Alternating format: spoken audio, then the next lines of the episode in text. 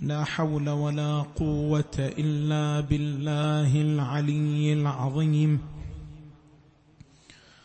صلى الله وسلم عليك سيدي ومولاي.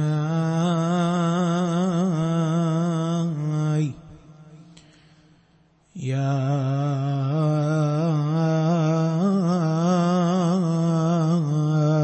أبا عبد الله. صلى الله عليك وعلى جدك وأبيك وأمك وأخيك والتسعة المعصومين بنيك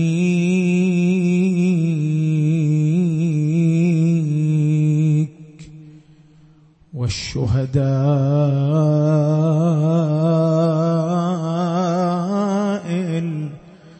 مستشهدين بين يديك. يا ليتنا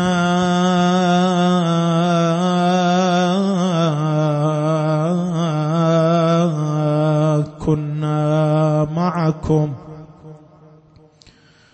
فنفوز.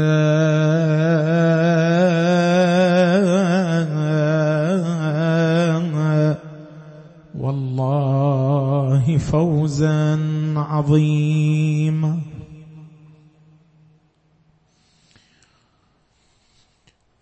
يا مدرك الثار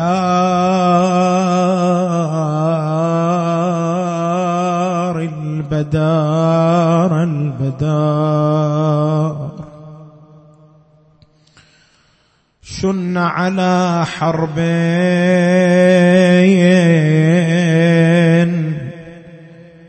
عداك المغار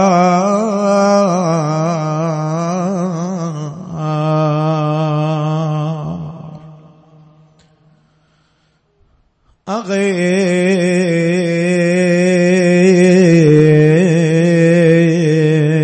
رعاك الله من ناصر.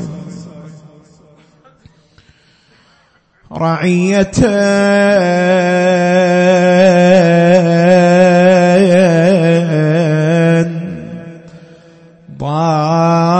ضاقت عليها القفار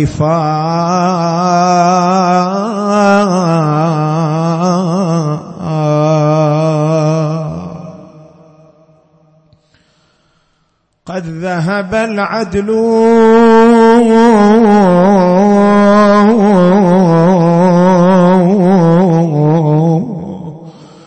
وركن الهدى قد هد والجور. على الدين جار.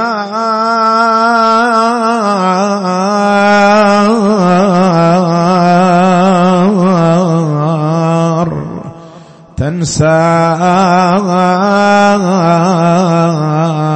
على الدار هجوم العدا.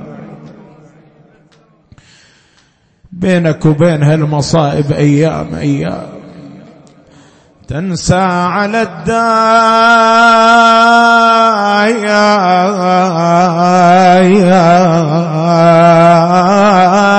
هجوم العدا. مذ أضرم الباب بجزلي. ونا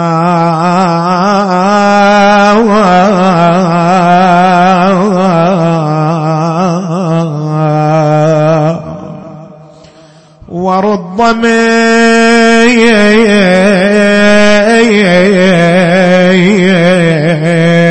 فاطمة ضلعها وحيدر يقاد قهرين. جهاد.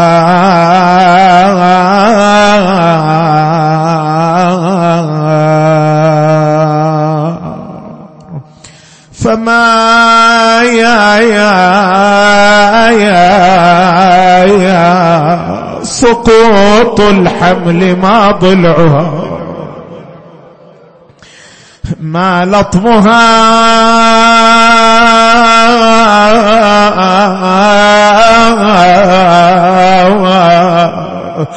ما عصرها.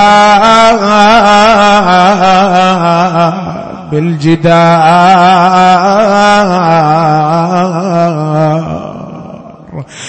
ما وكزها. يا سادة يا أبناء رسول الله. ما وكزها بالسيف.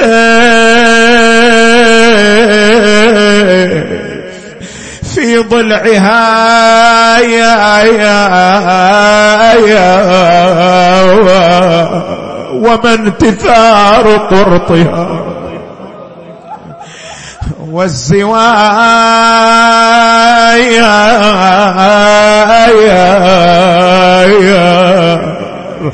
بعد عندي سؤال ما دفنها بالليل سرا وما نبش الثرى منهم عنادا جهايا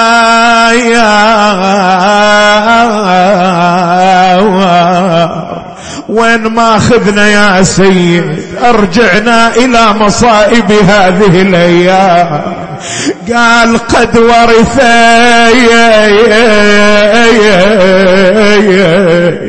من أمها زينب. لا تروح لا تروح بعيدة قد ورثيت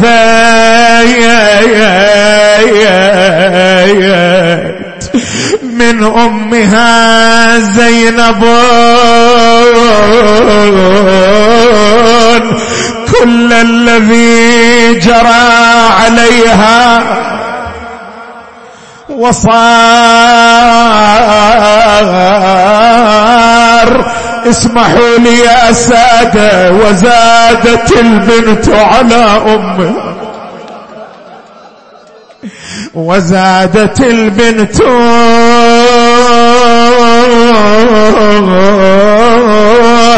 على أمها يا يا من دارها تهدى.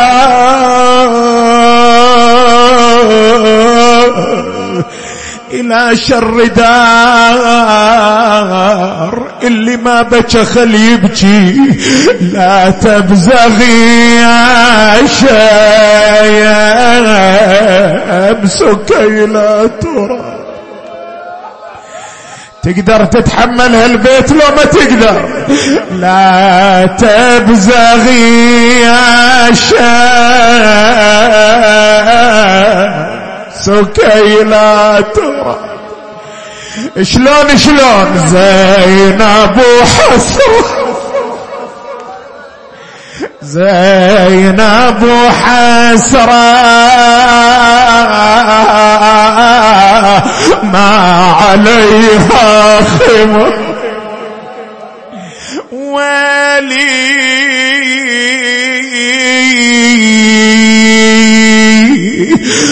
مصاب اللي جرى بالدار بالطف صار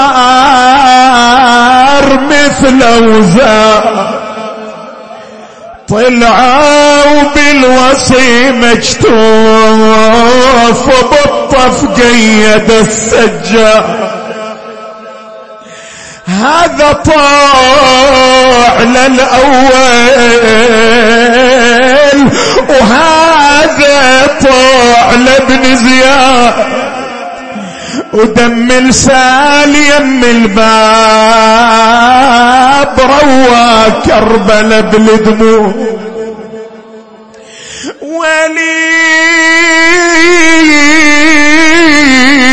ولي وحبل القادم الكرار وادي كربلا وصل وصل وضلع اللي انكسر بالباب بالطف كم ضلع فصل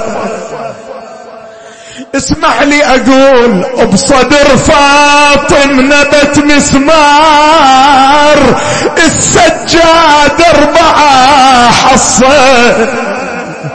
وصوت اللوع الزهراء بكم من متن سوى وروح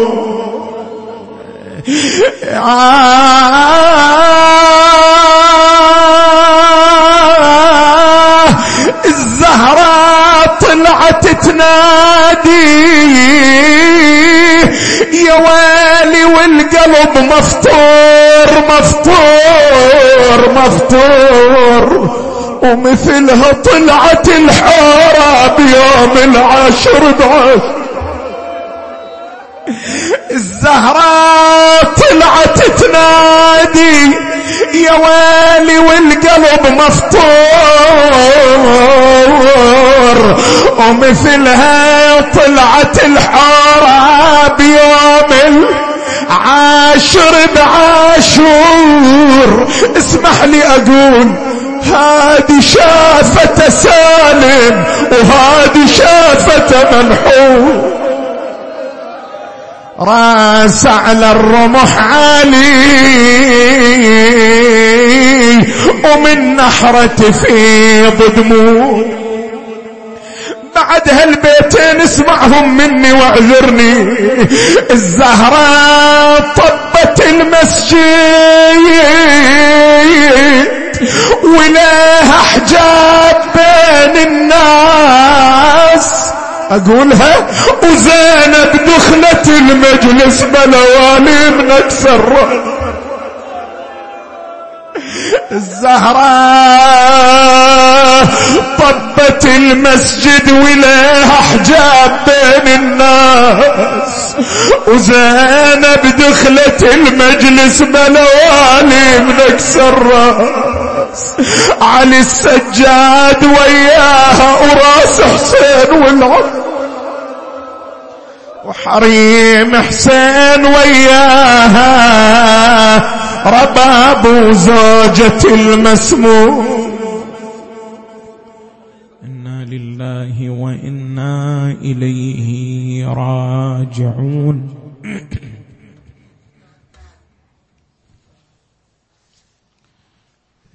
وسيعلم الذين ظلموا آل بيت محمد حقهم.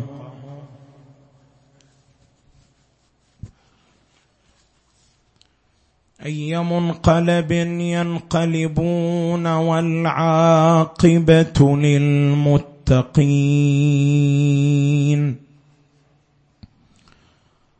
قال الله العظيم في كتابه الكريم. بسم الله الرحمن الرحيم.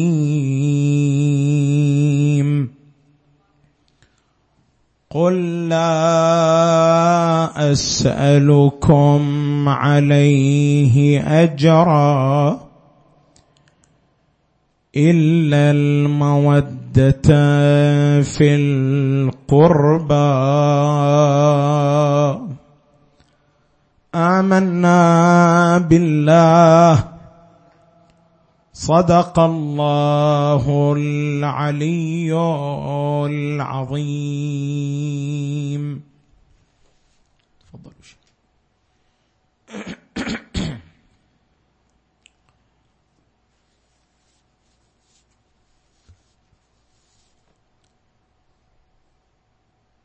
بقيت عندنا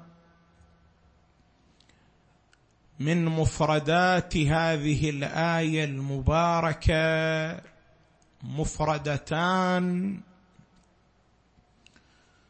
نبينهما. ثم إن اتسع لنا الوقت والمجال. نبين ما يمكن أن يستفاد من الآية المباركة فيما يرتبط بأهل بيت العصمة والطهارة عليهم السلام. المفردة الأولى وهي المفردة السابعة بحسب التسلسل تسلسل البحث هي مفردة في. قل لا أسألكم عليه أجرا إلا المودة في القربى.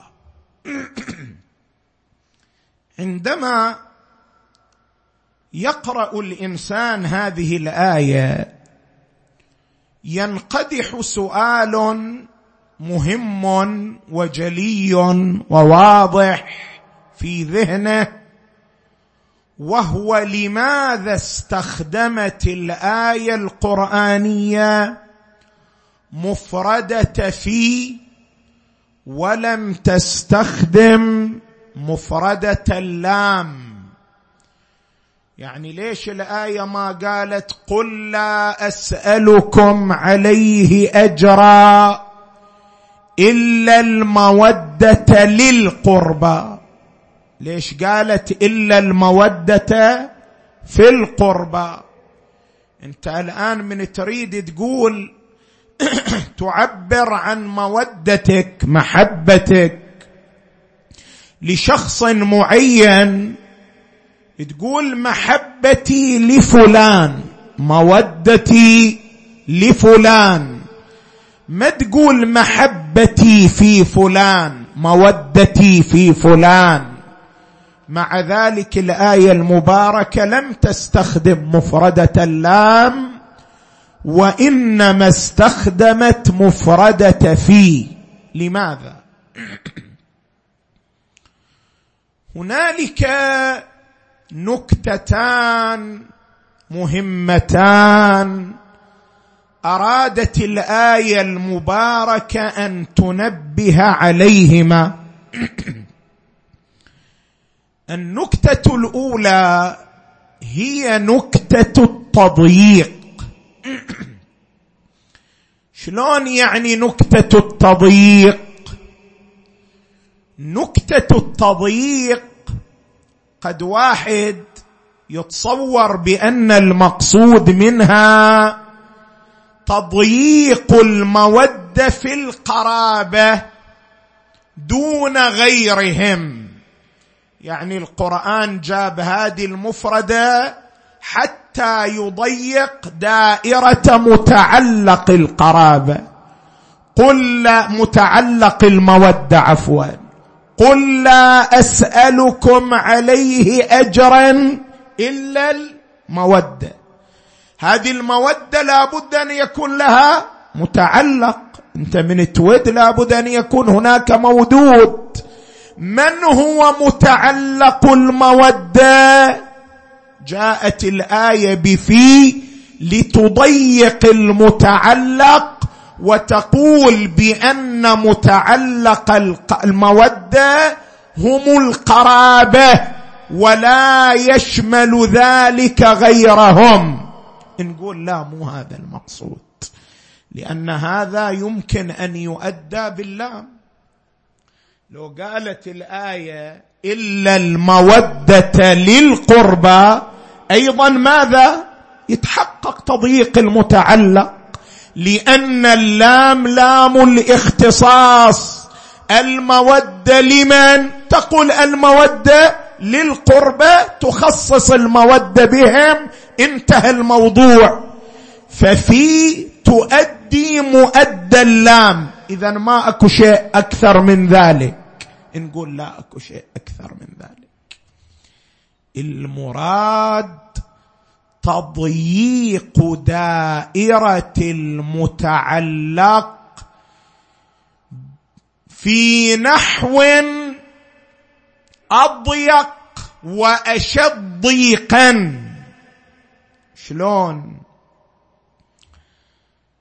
خل أوضح لك اولا أكو قاعدة بديهية واضحة أشير إليها ثم أطبقها على الآية.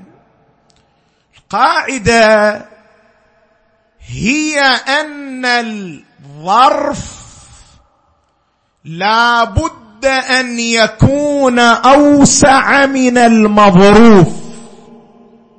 الظرف لا بد أن يكون أوسع ماذا؟ من المظروف.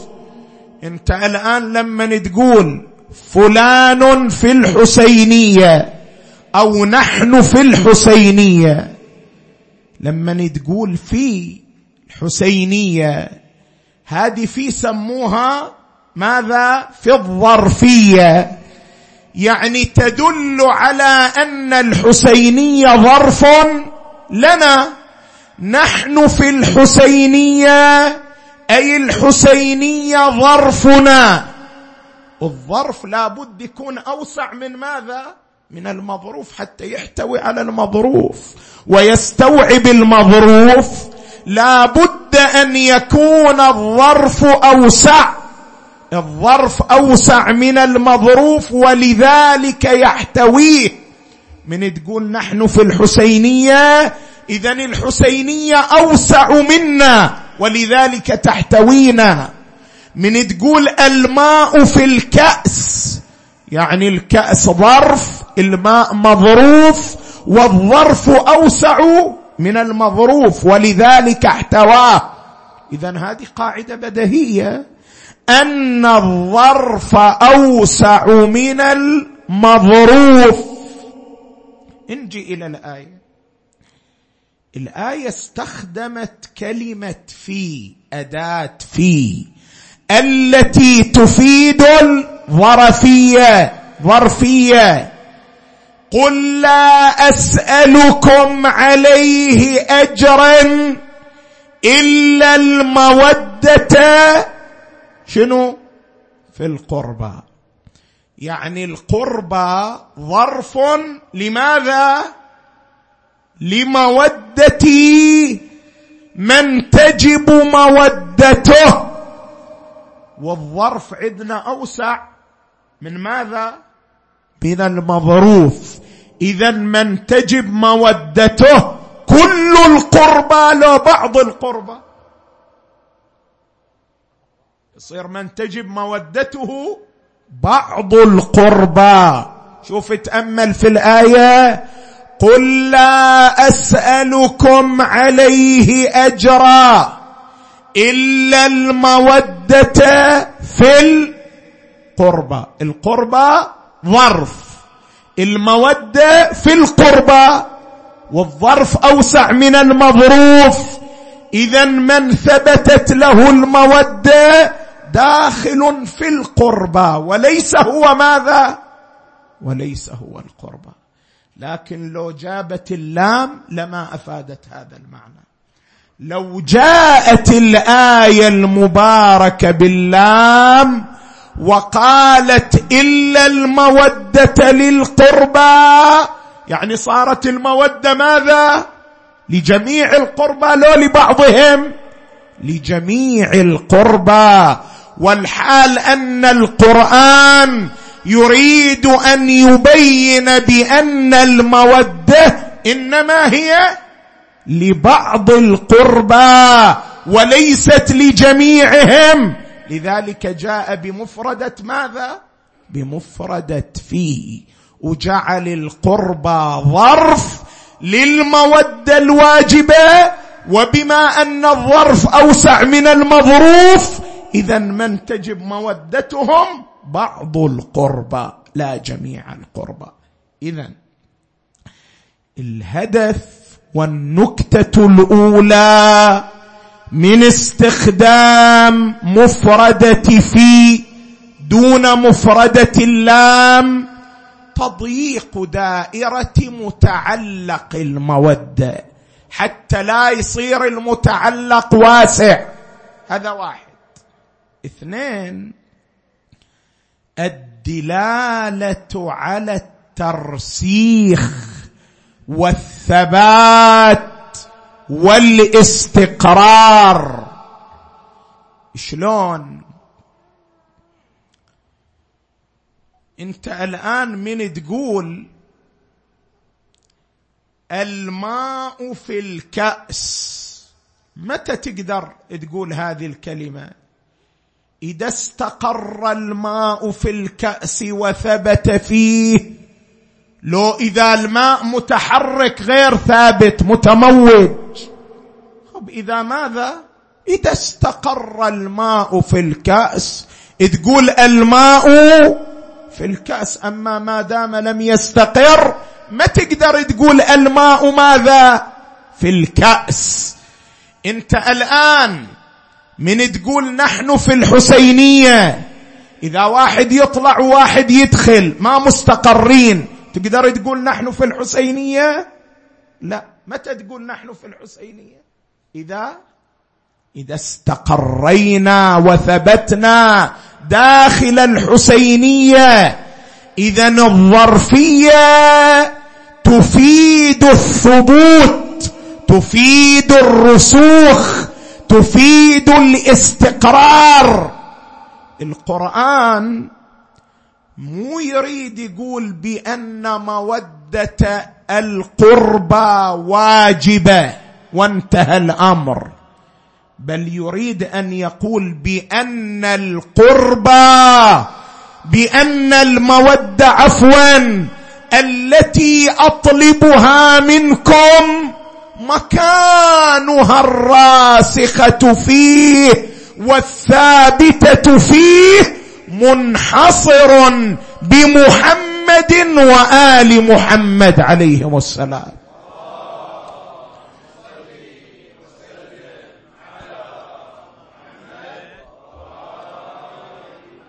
فلو استخدم القرآن مفردة اللام مفردة اللام تفيد الاختصاص فقط ولكن لا تفيد الرسوخ والثبوت والاستقرار بينما هذه النكتة تستفاد من مفردة في. ولذلك أبدل القرآن مفردة اللام بمفردة في. هذا ما يرتبط بالمفردة السابعة من مفردات الآية. نجي إلى المفردة الثامنة والأخيرة وهي مفردة القربى. قل لا أسألكم عليه أجرا إلا المودة في القربى. شنو المقصود من القربى؟ هنا عندنا جهتان. الجهة الأولى ما هو المقصود من هذه المادة مادة الكلمة القربى الجهة الثانية لماذا القرآن استخدم هذه الهيئة؟ شلون هذه الهيئة؟ روح إلى آيات القرآن كلها اللي اشتملت على لفظ القربى. تشوف أكو هيئة أخرى. واعلموا أن ما غنمتم من شيء فان فإن لله خمسه فأن لله خمسه وللرسول ولذي القربى لو ولي القربى ولذي القربى. وآت ذا القربى ذا القربى حقه كل آيات القرآن اللي اشتملت على لفظ القربى جاءت بهيئة ذي القربى. لذي القربى؟ ذا القربى. إلا هذه الآية. قل لا أسألكم عليه أجرا إلا المودة في القربى لا في ذي القربى. ليش؟ القرآن هنا جاء بهذه الهيئة. خلينا نجي اولا إلى الجهة الأولى. ما هو معنى مادة القربى من ترجع إلى كلمات الجمهور. تشوف هنا اسودت الدنيا في أعينهم فشرقوا وغربوا وجاءوا بمعان يمجها الذوق تمجها اللغة يمجها العرف فقط من أجل صرف الآية عن أهل البيت عليهم السلام. شلون؟ مثلا تجي إلى بعض التفاسير تقول المراد من القربى التقرب. قل لا اسالكم عليه اجرا الا الموده في القربى. المراد من القربى التقرب إلى الله. يعني قل لا اسالكم عليه اجرا الا ان تتقربوا إلى الله بان تتوددوا اليه.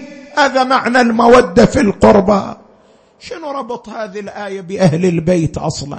مراد من القربى التقرب إلى الله والمودة التودد إليه. العجيب إنك من تروح إلى كتب اللغة العربية. تريد تجد استعمال واحد لكلمة القربى بمعنى التقرب لا تجد لذلك اثرا. لكن من اجوا إلى هذه الآية حملوا هذه المفردة على هذا المعنى من أجل صرفها عن أهل البيت مع أن هذا من الأخطاء الفادحة التي لا مصحح لها. هذا واحد من المعاني. من المعاني التي تقرأها في كتب الجمهور. وهي متعددة. يقول لك المراد من القربى القربى لكل إنسان. يعني الآية شنو ربطها بأهل البيت؟ ما لها ربط. الآية معناها قل لا أسألكم عليه اجرا إلا المودة في القربى. يعني في قرباكم. صيروا ويا رحمكم خوش وادم هذا معنى الآية.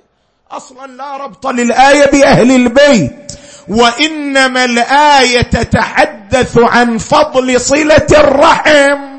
قل لا أسألكم ويخاطب المسلمين قل لا أسألكم عليه أجرا إلا المودة في القربى. يعني في قرباكم في رحمكم.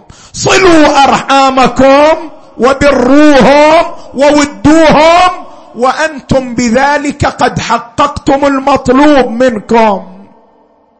ويلا أنت تعال ابحث عن المناسبة بين هذا المعنى السقيم وبين أجر رسالة رسول الله صلى الله عليه وآله.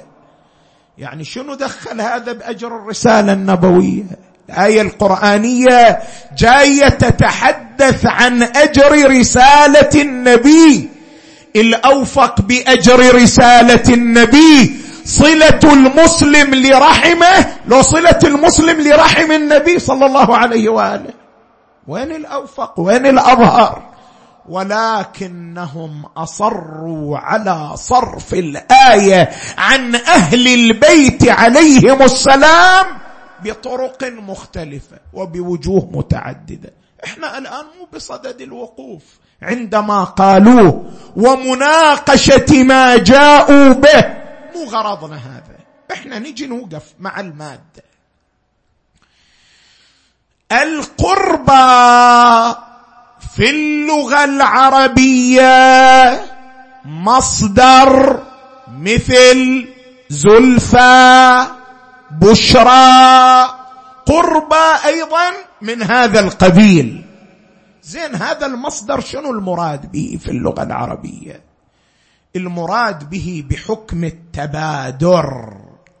بحكم التبادر وبحكم تنصيص اللغويين المراد به القرابة في الرحم. من تقول قربه المراد من القربه القرابة ماذا؟ الرحمية الوشيجة الرحمية. القربة يراد بها القرابة. فالنبي من يجي يقول قل لا أسألكم عليه اجرا إلا المودة في القربى. يعني إلا المودة في من؟ تربطني بهم صلة رحمية وشيجه رحمية. زين. يجينا الفضل ابن روزبهان ويطرح هنا إشكالية. يقول إذا قلنا بأن المراد من القربى القرابة فيلزم من ذلك وجوب مودة جميع قرابة النبي صلى الله عليه وآله. وهذا لا يلتزم به الشيعة الإمامية. إذا تقولوا المراد من القربة القرابة في الرحم. زين القرابة في الرحم تختص بعلي وفاطمة والحسن والحسين. لو تشمل غيرهم أيضا. خب تشمل؟ غيرهم القرابة في الرحم للنبي صلى الله عليه وآله لا تختص بهؤلاء. نقول نعم لكن هذا العموم مخصص. هذا العموم مخصص. شلون مخصص؟ مخصص اولا بالارتكاز المتشرعي. كيف يعني بالارتكاز المتشرعي؟ يعني المسلمين والمتشرعة ما كانوا يفهمون من عنوان القربى. ماذا؟ مطلق القربى. بل كانوا يفهمون بعض القربى. لماذا؟ لأنهم يعلمون أن في قرب النبي مثل أبي جهل. ويعلمون أن في قرب النبي مثل أبي لهب. تبت يدا أبي لهب وتب. ويعلم المسلمون أن هؤلاء ممن لا تجب مودتهم بل تجب البراءة منهم. لذلك المسلمين عندهم ارتكاز متشرعي. بأن عنوان القربى ليس عنوانا عاما لأن بعض قرابة النبي لا يستحقون المودة. فهذا الارتكاز موجود عند المسلمين. ولذلك لما نزلت هذه الآية المباركة شوف الدليل على وجود الارتكاز. أنه لما نزلت هذه الآية المباركة شنو قالوا المسلمين للنبي؟ وهذه الرواية يرويها ابن حجر في الصواعق المحرقة وغيره. قالوا يا رسول الله من قرابتك الذين تجب علينا مودتهم؟ هذا السؤال ينم عن ماذا؟ ينم عن أنهم يفهمون بأن القرابة التي تجب مودتها ليست كل القرابة بل هي بعض القرابة. ولذلك سألوا من القرب الذين تجب علينا مودتهم؟ هذا يعني وجود ارتكاز عندهم بأن هذا العنوان ليس عنوانا عاما يشمل كل قرابة النبي. اذا عنوان القربه وإن كان بحسب الإطلاق اللغوي عام ولكنه بحسب الارتكاز المتشرعي خاص وليس عاما. هذا واحد. اثنين النصوص الوارده عن النبي الأعظم صلى الله عليه وآله تدل على تخصيص هذا العنوان. هسه انت شو تسوي بالآيات العامة في القرآن؟ أقيموا الصلاة. ما خصصت هذه الآيات العامة بصلوات معينة؟ صلاة الظهر صلاة العصر الفرائض الخمس؟ مع أن الآية القرآنية ماذا؟ مطلقة. أقيموا الصلاة. شلون خصصتها بالفرائض الخمس بالنصوص النبوية؟ أيضا هذا عنوان القربة عنوان عام. ولكن خصصته نصوص النبي صلى الله عليه وآله.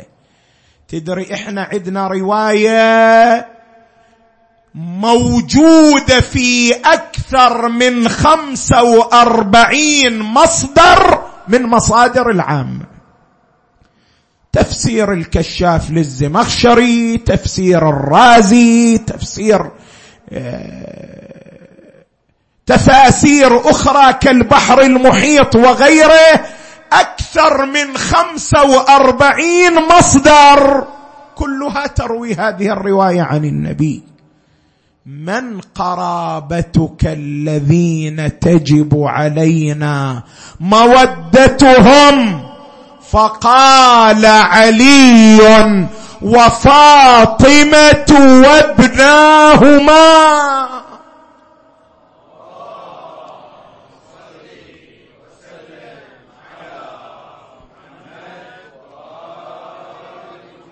القرابة التي تجب مودتها.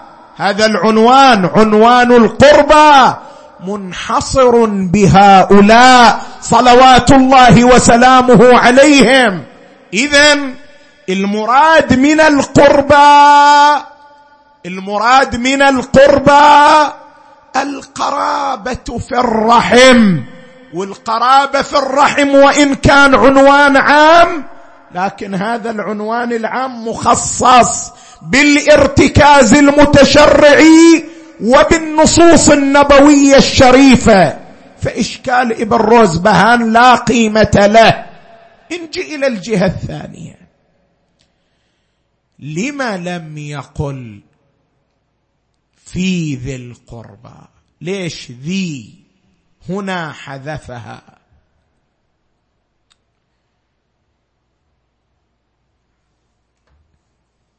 صلوا على محمد وآل محمد.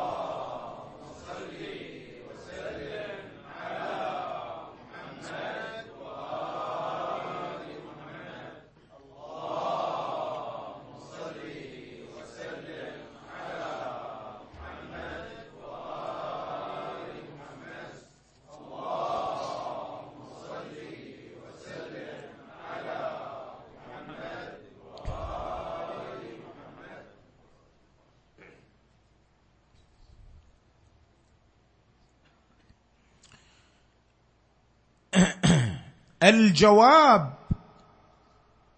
يحتاج إلى شيء تنبه. هو أن لفظ القربى يطلق على القرابة. قربى وقرابة بمعنى واحد. يعني شيل قربة خلي قرابة شيل قرابة خلي قربة. بمعنى واحد تقريبا. زين هذه قرابة. وانت تشيلها تخلي قربة مكانها براحتك بس أنا أستخدمها لأنها أكثر تداول على الألسنة. قرابة تارة تطلق على الذوات. شلون على الذوات؟ يعني على الأشخاص. تقول فلان قرابتي. أو الأسرة الفلانية قرابتي. مرادك من القرابة هنا ماذا؟ الأشخاص. وتارى القرابة ما تطلق على الأشخاص تطلق على العلاقة النسبية. تقول بيني وبين فلان شنو؟ قرابة يعني علاقة نسبية. فالقرابة تارة تطلق على الذوات وأخرى تطلق على ماذا؟ على العلاقة النسبية. قربه مثلها تماما.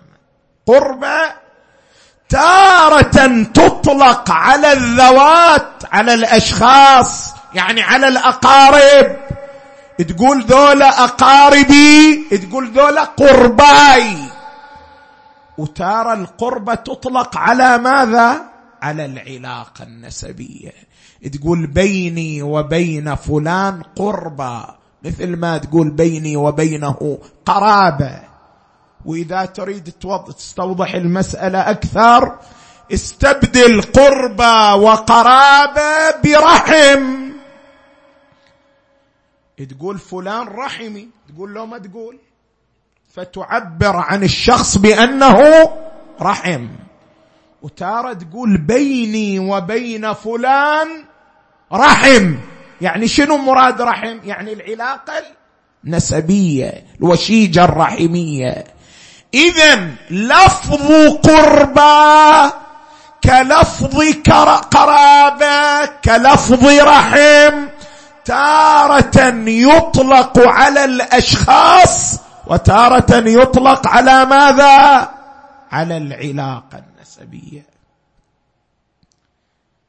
شلون نعرف أن هذا اللفظ أطلق على الذوات والأشخاص لو أطلق على العلاقة؟ نعرف من الإضافة وعدمها. إذا كان هناك مضاف نعرف أن المراد من اللفظ العلاقة النسبية. واعلموا أن ما غنمتم من شيء فأن لله خمسه وللرسول ولذي. جاب الاضافه هنا. ولذي القربى يعني ولذي العلاقة الرحمية. من يريد العلاقة فإنه يستخدم المضاف حتى يربطك بماذا؟ يربطك بالشخص اللي تربطك وياه علاقة. وآت ذا القربى يعني ذا العلاقة النسبية معك. لكن إذا استخدمها من غير إضافة يعلم بأنه يريد الذوات والأشخاص بشكل مباشر. قل لا أسألكم عليه أجرا إلا المودة. في القربة بعد هنا القرآن ما جاء بواسطات بل حذف الوسائط ليربط المودة. بماذا؟ بالذوات والأشخاص بشكل مباشر. وهذا من لطائف القرآن ونكات القرآن. في جميع الآيات القرآنية جاء بالمضاف إلا في آية المودة. حذف المضاف ليبين بأن المودة للقربى. لا بد أن تتعلق بهم من غير أي واسطة. ومن غير أي توسط شيء. وهذه من لطائف القرآن ونكات القرآن.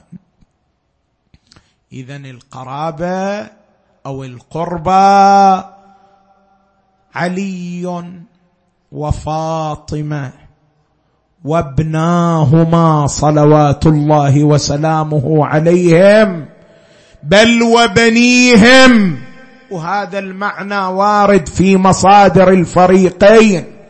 قل لا أسألكم عليه أجرا إلا المودة في القربى.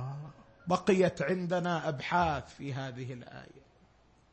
ولكن للأسف داهمنا الوقت وانقضت الليال وبعد لم ننتهي من بيان ما يرتبط بهذه الآية الشريفة. إحنا فقط بينا المفردات وأما دلالات هذه الآية فهذه مطالب أخرى تحتاج إلى بحث وبيان.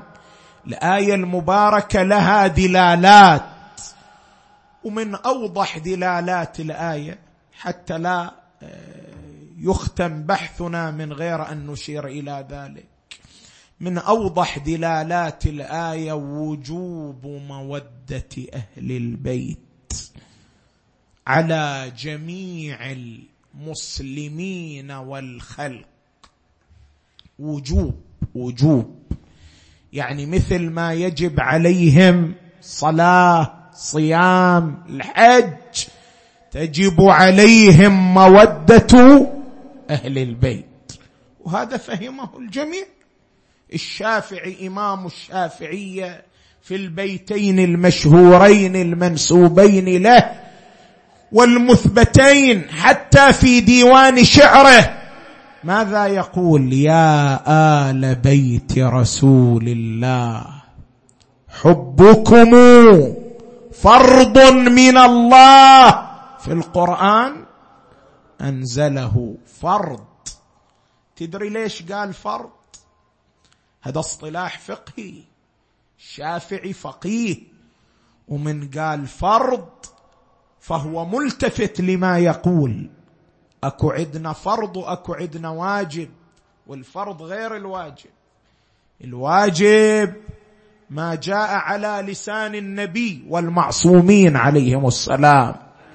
لكن الفرض ما فرضه الله في كتابه. فرض يعني مفروض في القرآن. الشافعي يقول مودة أهل البيت مو بس واجبة بل هي ماذا؟ فرض قرآني. يا آل بيت رسول الله حبكم فرض من الله. في القرآن أنزله. كفاكم من عظيم الشأن أنكم من لم يصل عليكم لا صلاة له.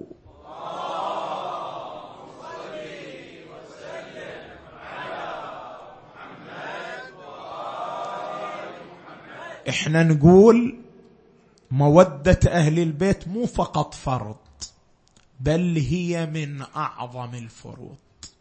شوف التفت إلى كلامي مودة أهل البيت ليست فرضا فحسب بل هي من أعظم الفروض. يعني إحنا ندعي شيئين الشيء الأول أنها فرض.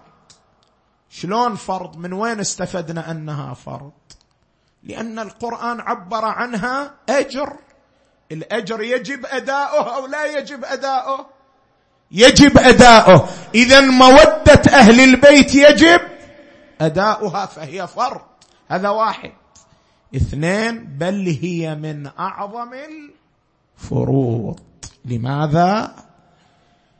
لأن النبي قد اعتبرها اجرا للرسالة.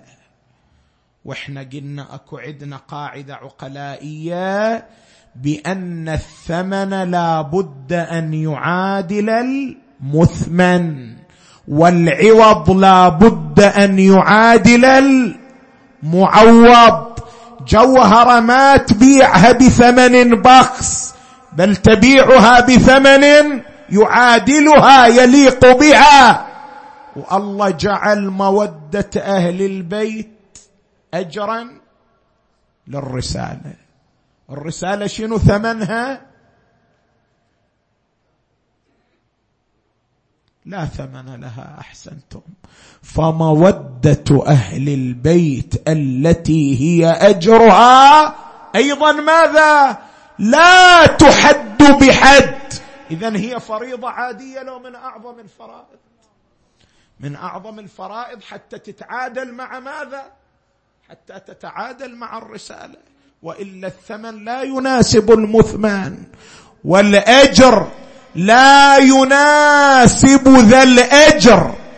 اذا المودة مو فقط فريضة بل هي من أعظم الفرائض القرآنية. لذلك أنت من تجي تقرأ سيرة المحيطين بأهل البيت عليهم السلام. دول اللي عرفوا مقام أهل البيت واطلعوا على خصائصهم وعلموا واجبهم تجاههم. تشوفهم ما تعاملوا مع مودة أهل البيت تعامل عادي. تعاملوا مع المودة كأعظم فرض من الفروض. ومثال على ذلك سيدتنا ومولاتنا الرباب زوجة سيد الشهداء الحسين. هذا الرباب. لما تجي شلون كانت مودتها للحسين؟ أول أنت من تقرأ مودة الحسين للرباب فشيء عجيب. لعمرك أنني لأحب دارا. تحل بها سكينة والرباب. هذا شعر الحسين. لعمرك أنني لأحب دارا تحل بها سكينة والرباب. الرباب وابنتها سكينة صلوات الله وسلامه عليهما. الحسين يقول وين ما أكو مكان تحل به الرباب وسكينة؟ هذا المكان محل حبي محل تعلق نفسي مهوى فؤادي. شنو هذا الرباب؟ شنو مكانتها في قلب الحسين؟ اللي الحسين يتعلق بها وبالسيدة سكينة بهذا المقدار من المودة. وهي في المقابل. أكو عندنا رواية تقول المرأة الوحيدة التي رفضت أن ترجع إلى المدينة مع ركب السبايا؟ هي الرباب. هي الرباب. الرباب أقامت على قبر الحسين. أنت تعرف ناحية الغاضرية؟ كان أكو هناك. أناس يعيشون مثل بني أسد وبعض القبائل. هناك الرباب أقامت مثل هالأيام من طلعت الضعينة من أرض كربلاء ورجعت إلى المدينة. أكو عندنا خبر بأن الرباب أقامت على قبر الحسين سنة كاملة. شنو هالعلاقة؟ شنو هالمودة؟ ماذا رأت من الحسين؟ ماذا عرفت من الحسين؟ اللي تبقى على قبر الحسين سنة كاملة. ورجعت. رجعت رجعت بعد ذلك إلى المدينة. تدري من رجعت الروايات شو تقول؟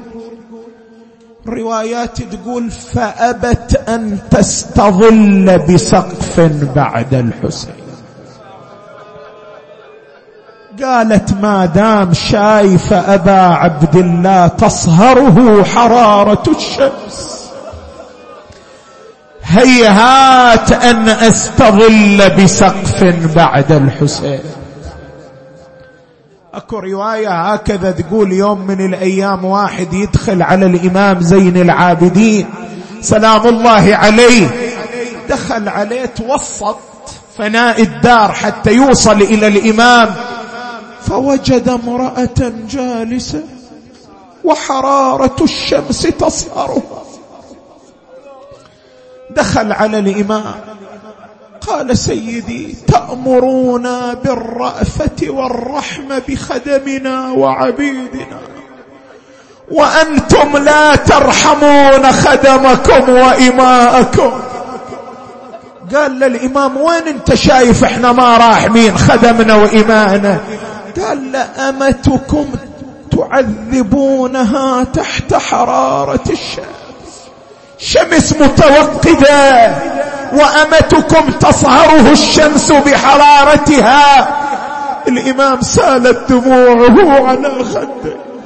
قال والله ما هذه بأمر هذه الرباب زوجة أبي الحسين. فإنها قد أبت أن تستظل بظل بعد الحسين. هاي الرباب عزيزة أبي عبد الله. ولذلك من جابوهم إلى قصر يزيد بن معاوية في مثل هذه الأيام. تقول الرواية قام يزيد يتخطى رقاب النساء. ويسأل من هذا ومن هذا إلى أن قال وأين هي الرباب حبيبة الحسين؟ الرباب الرباب وينها؟ لما سمعها لما سمعته بأبي وأمي لاذت بمولاتنا زينب. قالت مولاتي إن هذا اللعين يريد أن يكلمني. قال يا رباب كلميني لم تجب. مرة ثانية. لم تجب. مرة ثالثة. لم تجب. فقال له أحد الأعداء إن أردت منها جوابا فأقسم عليها برأس الحسين. بعد هذا القسم ما تقدر ترد الرباب أبدا. لكن شيعي موالي شلون أقسم عليها؟ الليلة جمعة الليلة الزوار عند قبر يبي عبد الله. خل إحنا نحلق بقلوبنا بأرواحنا مع الزوار. شلون أقسم عليها؟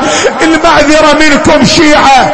أقبل إلى ذلك الطشت وأمسك برأس أبي عبد وأقبل به ناحية الرباب وقال رباب كلميني وحق الحسين عليك. أبت أن تكلمه المعذرة المعذرة فأخذ الرأس الشريف وضرب به جبهة الرباب. وقال رباب بحق هذا الرأس إلا ما كلمتيني رفعت رفعت رأسها. لما رأت شيئا يصدمها على رأسها رفعت رأسها نظرت وإذا به رأس المولى فصرخت ألا وحبيبا وحسينا وذاك الرجل صاب الحريم يدير بالعين. ويقول في وين الرباب عزيزة تحسن. وزاد الحزن بيها. ولاذت بالنسأ وصوت نادى باسمها وعيت تجيب. قالوا ان كان تريد منها رد الجواب اقسم عليها براس بن وداح يلبس وشال الكريم وعاينه. له والقلب ذا. وظلت تنادي يا خلق وش هالمصيبة وراسك يا نور العين. شفته والدمع سأ غصبا علي تنظر عيني بهالحق. اسمح لي أقول وغصبا عليك تشوفني ما بين الرجل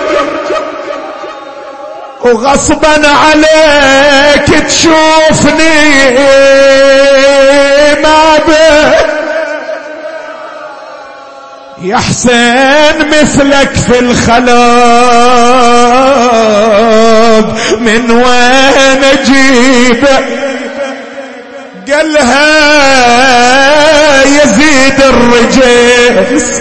بطلي من نواعي. وحياة راس حسين. حاكيني وحا. شوف الزمان إيش فعل بحسين بحسين فعل به خلاه بالرمضاء وجادك لي سليم.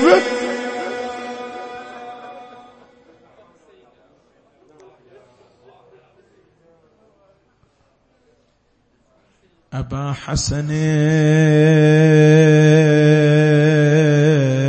حرب تقاضت كدينها إلى أن أساءت في بنيك التقاضيا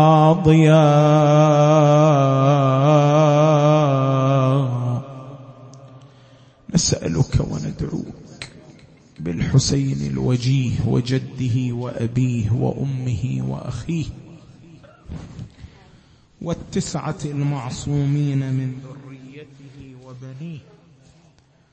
فرج عنا بتعجيل فرج المولى صاحب العصر والزمان. اجعلنا اللهم من أنصاره وأعوانه والمقاتلين بين يديه والمستشهدين تحت لوائه. اللهم بحقه وبحق آبائه وبحق سيدتنا ومولاتنا الرباب عزيزة الحسين. فرج عنا بتعجيل فرج المولى صاحب العصر والزمان. اجعلنا من أنصاره وأعوانه والمقاتلين بين يديه والمستشهدين تحت لوائه. بحقه وبحقها وبحق آبائه فرج هموم المهمومين اقض حوائج المحتاجين. اشف مرضى المؤمنات والمؤمنين سيما المنظورين فك الأسرى والمسجونين. احفظ مراجع الدين والعلماء العاملين وإلى موت العلماء الأعلام المؤسسين والحاضرين والمؤمنين والمؤمنات. نهدي للجميع ثواب الفاتحة تسبقها الصلوات.